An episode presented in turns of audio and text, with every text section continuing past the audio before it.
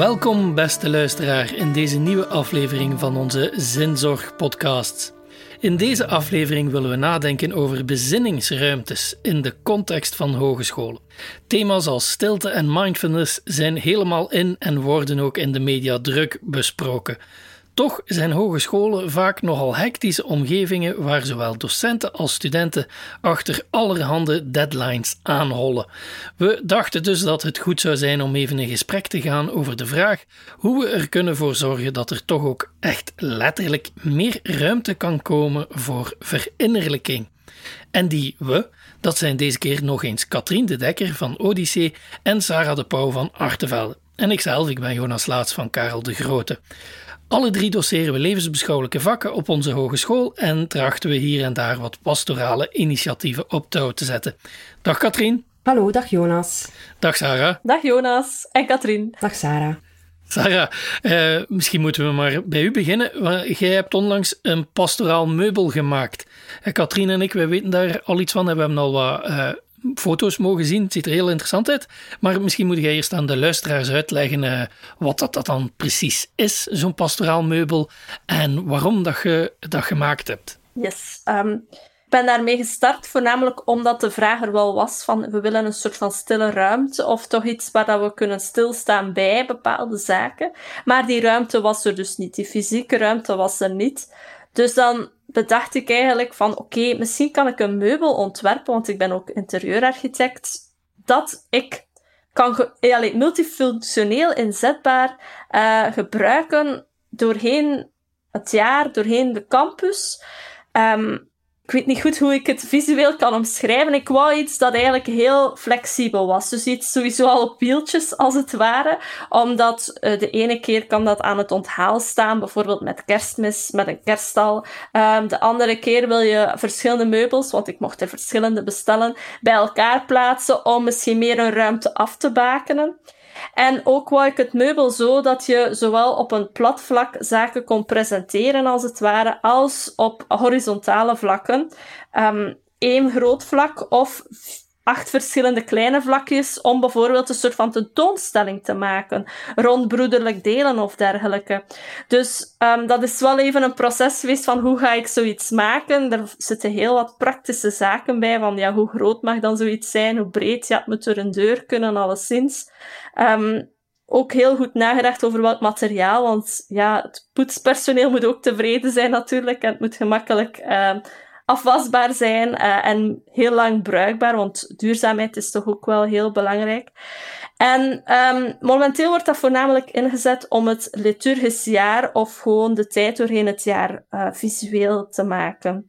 Dus er worden heel wat dingen gewoon op gepresenteerd. Of soms ook wel zo wat doe-dingetjes van uh, de studenten die een, wens met kerstmis mogen ophangen of dergelijke. Maar um, echt om te bezinnen als in hier ga ik bijzitten en stil worden is moeilijker omdat het vaak wel staat op een plek waar heel wat mensen uh, passeren. Al zou je misschien wel naar een stillere plek kunnen gaan zoeken en dat daar dan zetten, maar dat heb ik nog niet uitgeprobeerd. Dus het is meer bedoeld om mentaal even stil te staan bij iets dan echt de verstilling als persoon zo op te mhm. zoeken. Ja. Nu, tegenaardig is een beetje, je hebt dat gemaakt omdat er geen stille ruimte was, mhm. maar ondertussen komt er wel perspectief op een stille ruimte. Ja, wij hebben een, een denktank als het ware rond diversiteit. En in die denktank kwam uh, naar voren dat veel studenten van verschillende religies het toch wel belangrijk vinden om echt een ruimte te hebben om tot gebed te komen. En wij bieden die ruimte niet aan. Nu zo half-half een beetje, omdat we een tijdelijke uh, rouwruimte hebben voor onze collega Stijn de Pape. En uh, daar zijn al studenten gaan vragen aan de balie van mogen we daar dan gaan bidden. Dus uh, de nood is er heel erg om ergens te bidden. En ja, ze zagen die nood en ze zagen ook uh, het potentieel om studenten aan te trekken um, langs die weg. Dus ik mocht toch wel een oud computerlokaal, um, een idee naar voren brengen. Het is allemaal heel snel moeten gaan. Maar dat is nog niet volbracht natuurlijk. Dat is nog enkel en alleen een idee. Mm. Katrien, hoe zit dat bij u? Wij hebben uh, op de verdieping van onderwijs hier uh, in Campus Aalst wel ook een, een een kleine pastorale hoek waar dat er een vaststaand meubel staat. Dus het is zeker niet iets dat kan verhuisd worden. En dat is wel iets dat we, dat we inkleden. Maar dat is iets anders dan een stille ruimte bij ons. Allee, de wens voor een stille ruimte is er echt wel zeer erg. Uh, zeker ook bij de studenten. En we hebben de studenten een aantal jaar geleden uh, daarover eens bevraagd. Maar die hebben we tot nu toe nog altijd niet. Dus we hebben nog altijd geen stille ruimte op de campus. Ik moet wel zeggen dat de collega's in Sint-Niklaas wel een, stille ruimte hebben. Uh, maar dus die, die wens is er zeker en vast nog altijd. Um, en, en ja, daarover gaan we nog in gesprek. Hè. Want de bedoeling zou zijn dat we het echt vormgeven samen met docenten, samen met studenten. Dus dat we dat echt wel aankleden um, en, en richting geven eigenlijk een stukje naar de wens van, van de studenten. Een aantal jaar geleden heb ik al gezegd, hè, want het is wel al een proces van jaren, uh, de wens naar de stille ruimte. En dan kwamen we eigenlijk een beetje tot uh, de omschrijving, hè, de wens van een ruimte waar dat leerkrachten, hè, studenten, docenten kunnen stilvallen, samen, maar ook alleen, en waar dat levensvragen aan bod kunnen komen, waar dat ze kunnen nadenken over wat er belangrijk is en waar dat ze in verbinding kunnen zijn met zichzelf, de anderen en eventueel de anderen met de hoofdletter. Dat is een beetje de visie die toen ontstaan is. Mm Onder mensen die met pastoraal bezig zijn, is het een vaak gestelde vraag om zo'n ruimte te hebben, exact gelijk dat het nu beschrijft voor die verschillende redenen. Maar is dat ook echt iets dat uit die bevraging van die studenten komt? Was dat een wens van velen? Uh, ik ga even de notas bij mij nemen. Er waren heel wat studenten die zeiden van, wij hebben behoefte om met anderen te praten over de zin van het leven. En dat doe je niet zomaar in de wandel hangen, denk ik dan. Dat was eigenlijk wat er voor, vooral een stukje uh, naar boven kwam. Ook gaven een aantal studenten aan dat ze niet weten waar dat ze terecht kunnen, bij wie, waar, met hun twijfels over levensbeschouwing en de zin van het leven. Um, een aantal studenten gaven aan zich af te vragen wat dat ze nu eigenlijk geloven en waarom. Dus het is echt wel een stukje iets aanwezig is. En voor ons is het ook echt wel weer terug, als we zeggen de student staat centraal, dan moeten we ook aandacht hebben voor die spirituele dimensie. Mhm. En voor mij is reflecteren over wat is een stille ruimte, wat kan dat betekenen? Eigenlijk is dat reflecteren of stilstaan bij de visie en de identiteit van de hogeschool. Welke mhm. hogeschool willen wij zijn? Welk verhaal vertelt die stille ruimte? Dus dat hangt echt wel uh, een groot stuk samen met de identiteit van, van de hogeschool. Um, nu, een stille ruimte echt in de campus hebben we nog niet. Uh, maar volgende week zitten we wel samen uh, met een aantal docenten, ook met een aantal studenten.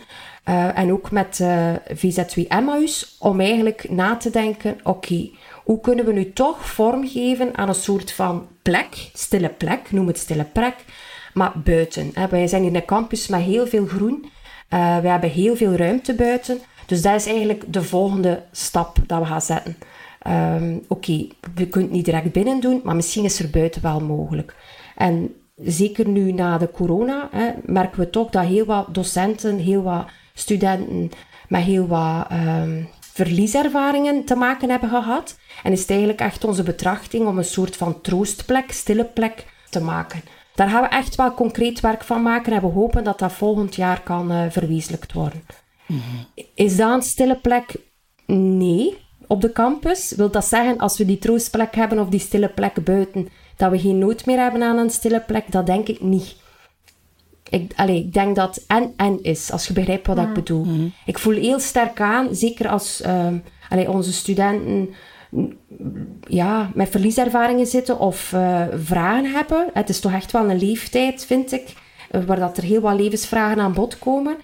Ja, dan heb je wel echt nood aan een plek waar je een keer kunt stilvallen. En ik heb al meermaals meegemaakt dat je in gesprek bent met een student uh, die, die het even moeilijk heeft, of, of ook alleen een collega.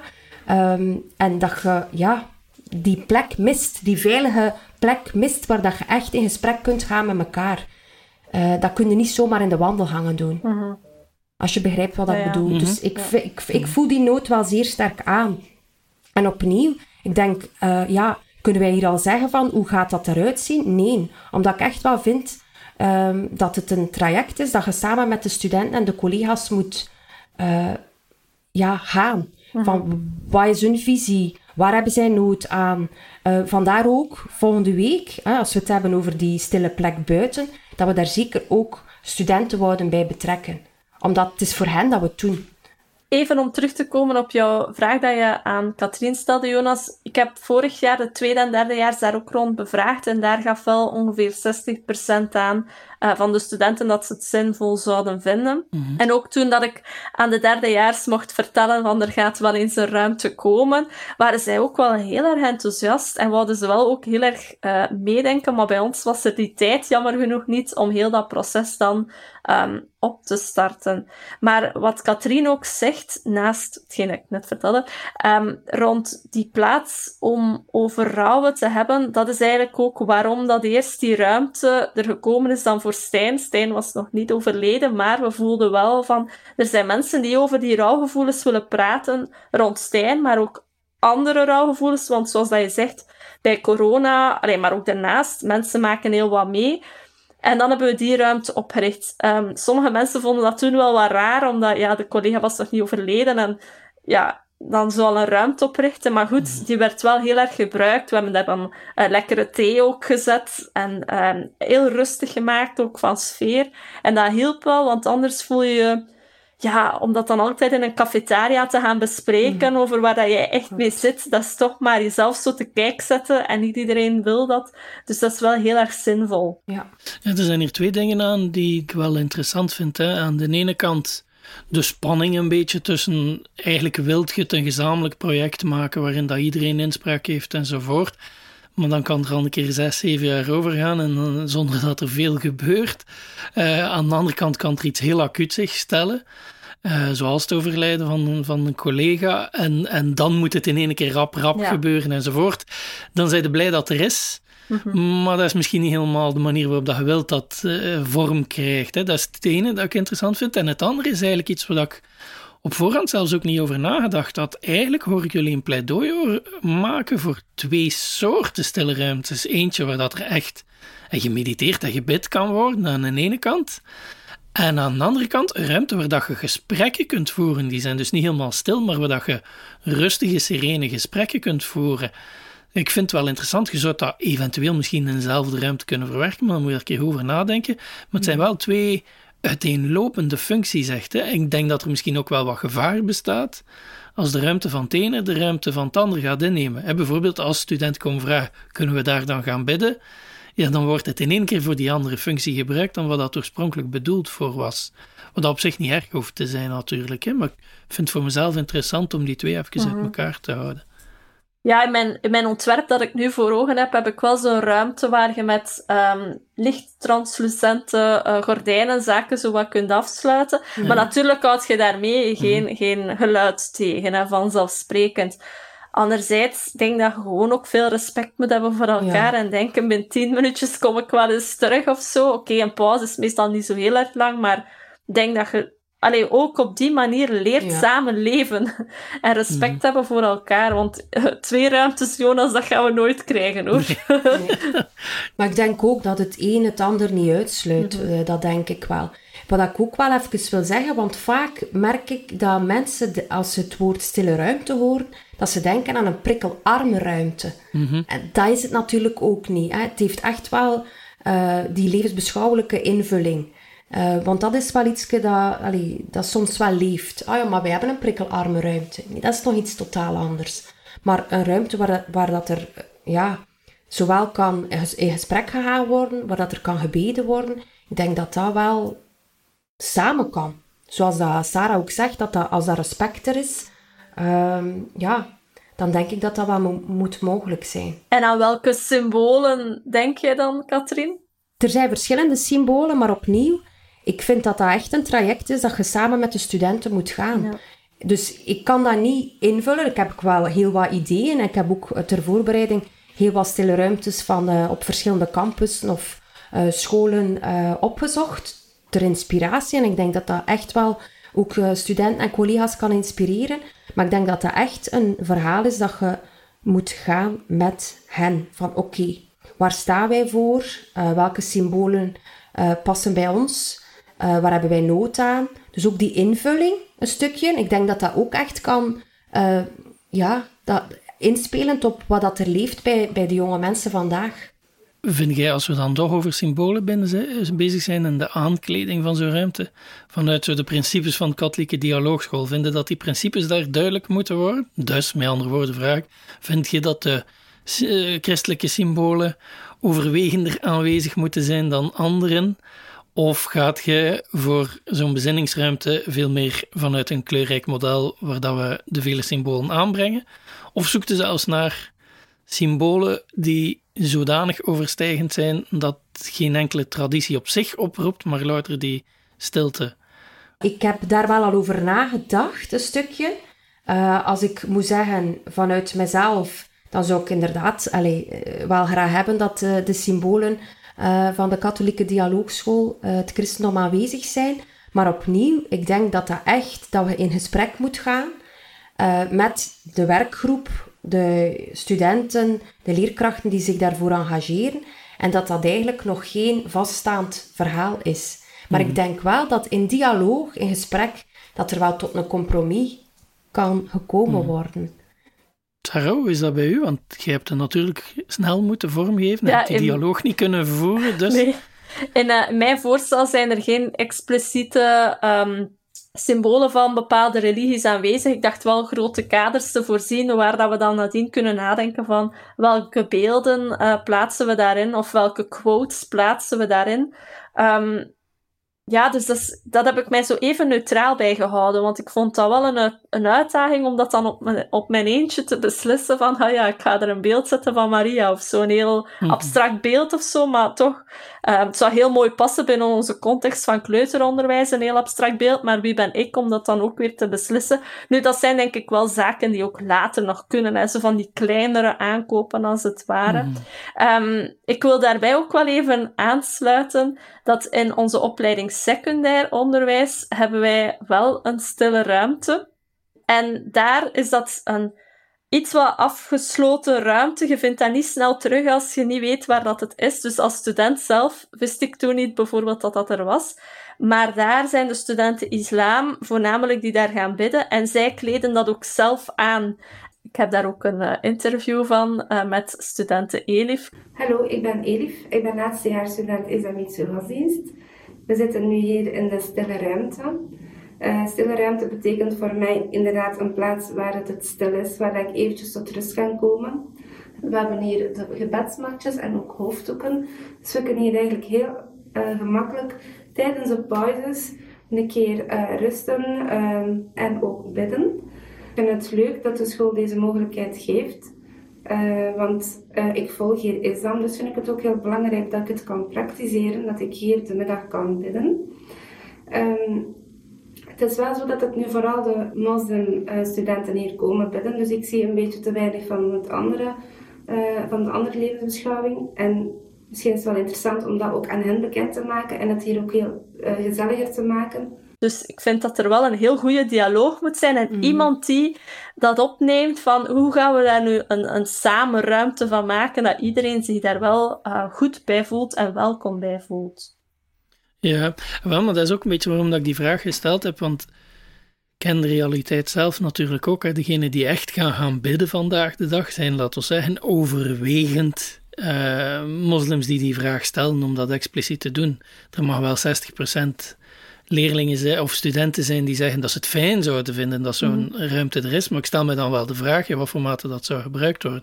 Als ik zelf op de Katholieke Universiteit van uh, Leuven zat, dan was ik een van de weinige mensen die echt gebruik maakten van die stille ruimte om ook echt te gaan bidden. Dat was zelfs daar niet, niet geweldig de norm in de theologiefaculteit.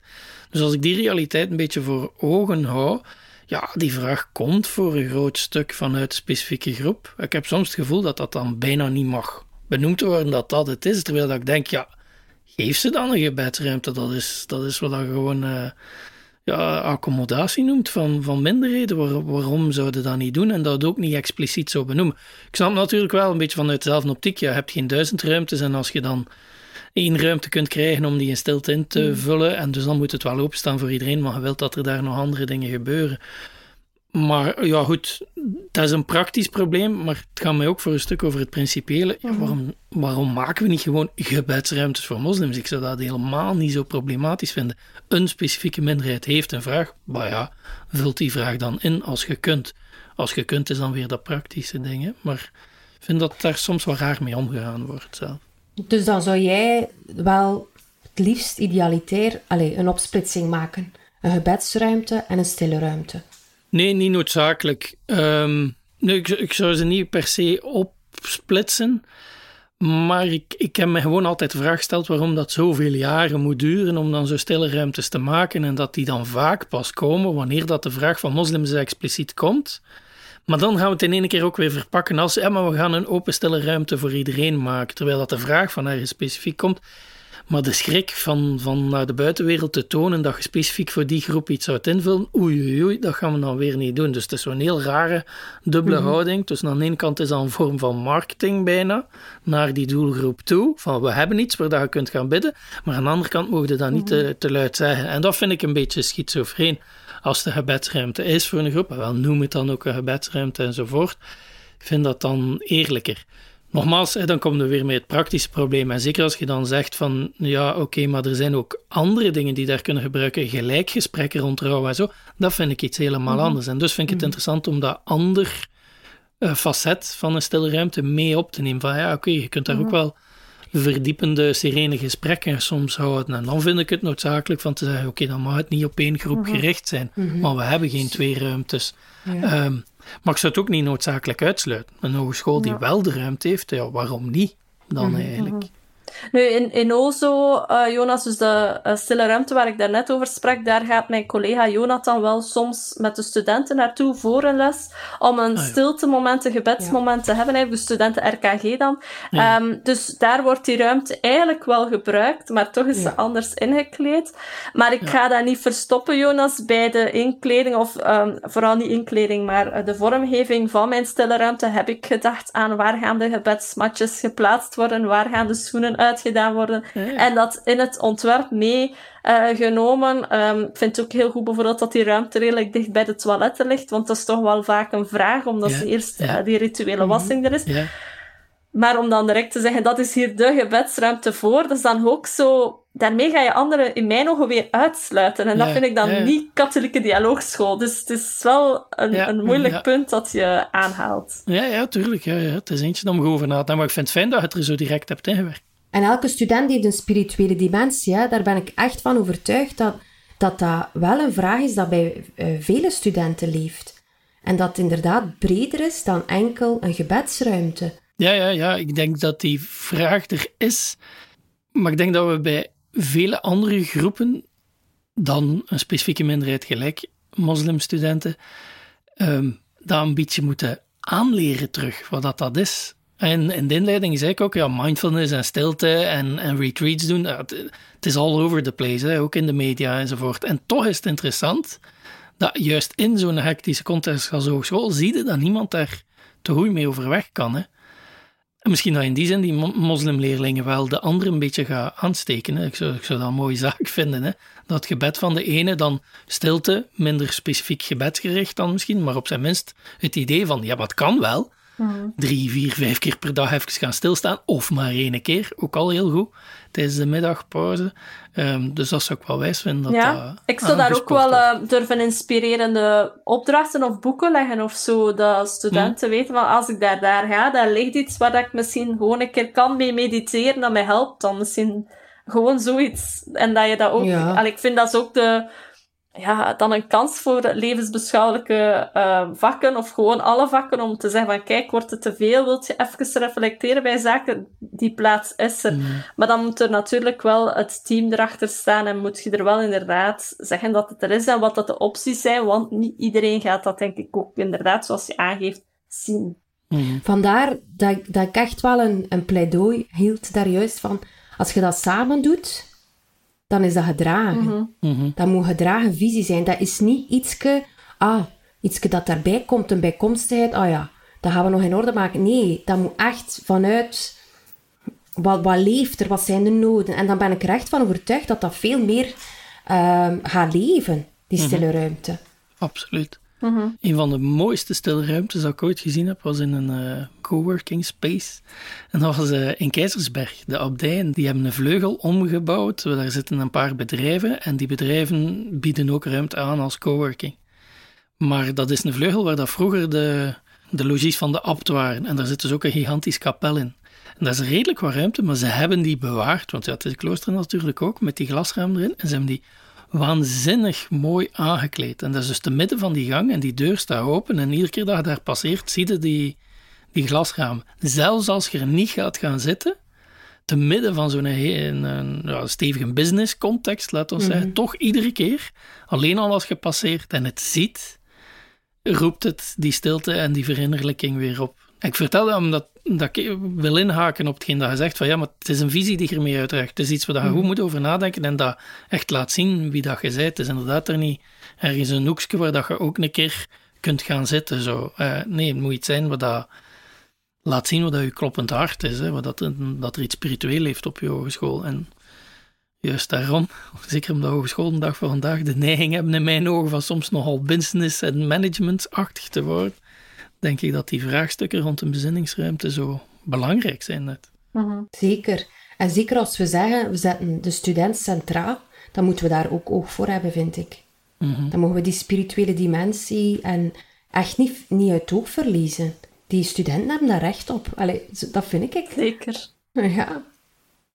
En ze hebben er ook nood aan. En niet alleen studenten, hoor. Ook uh, wij. Mhm. Elke mens.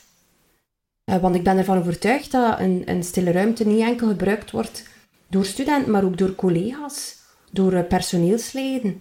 En is er bij een van de twee iemand die aan kaarsjes denkt of gedacht heeft? En ik stel die vraag omdat ik natuurlijk in een oude kluis woon en dat is aan, aan een kapel gebouwd, een groot kapel, waar dat er elk jaar duizenden mensen over de vloer komen.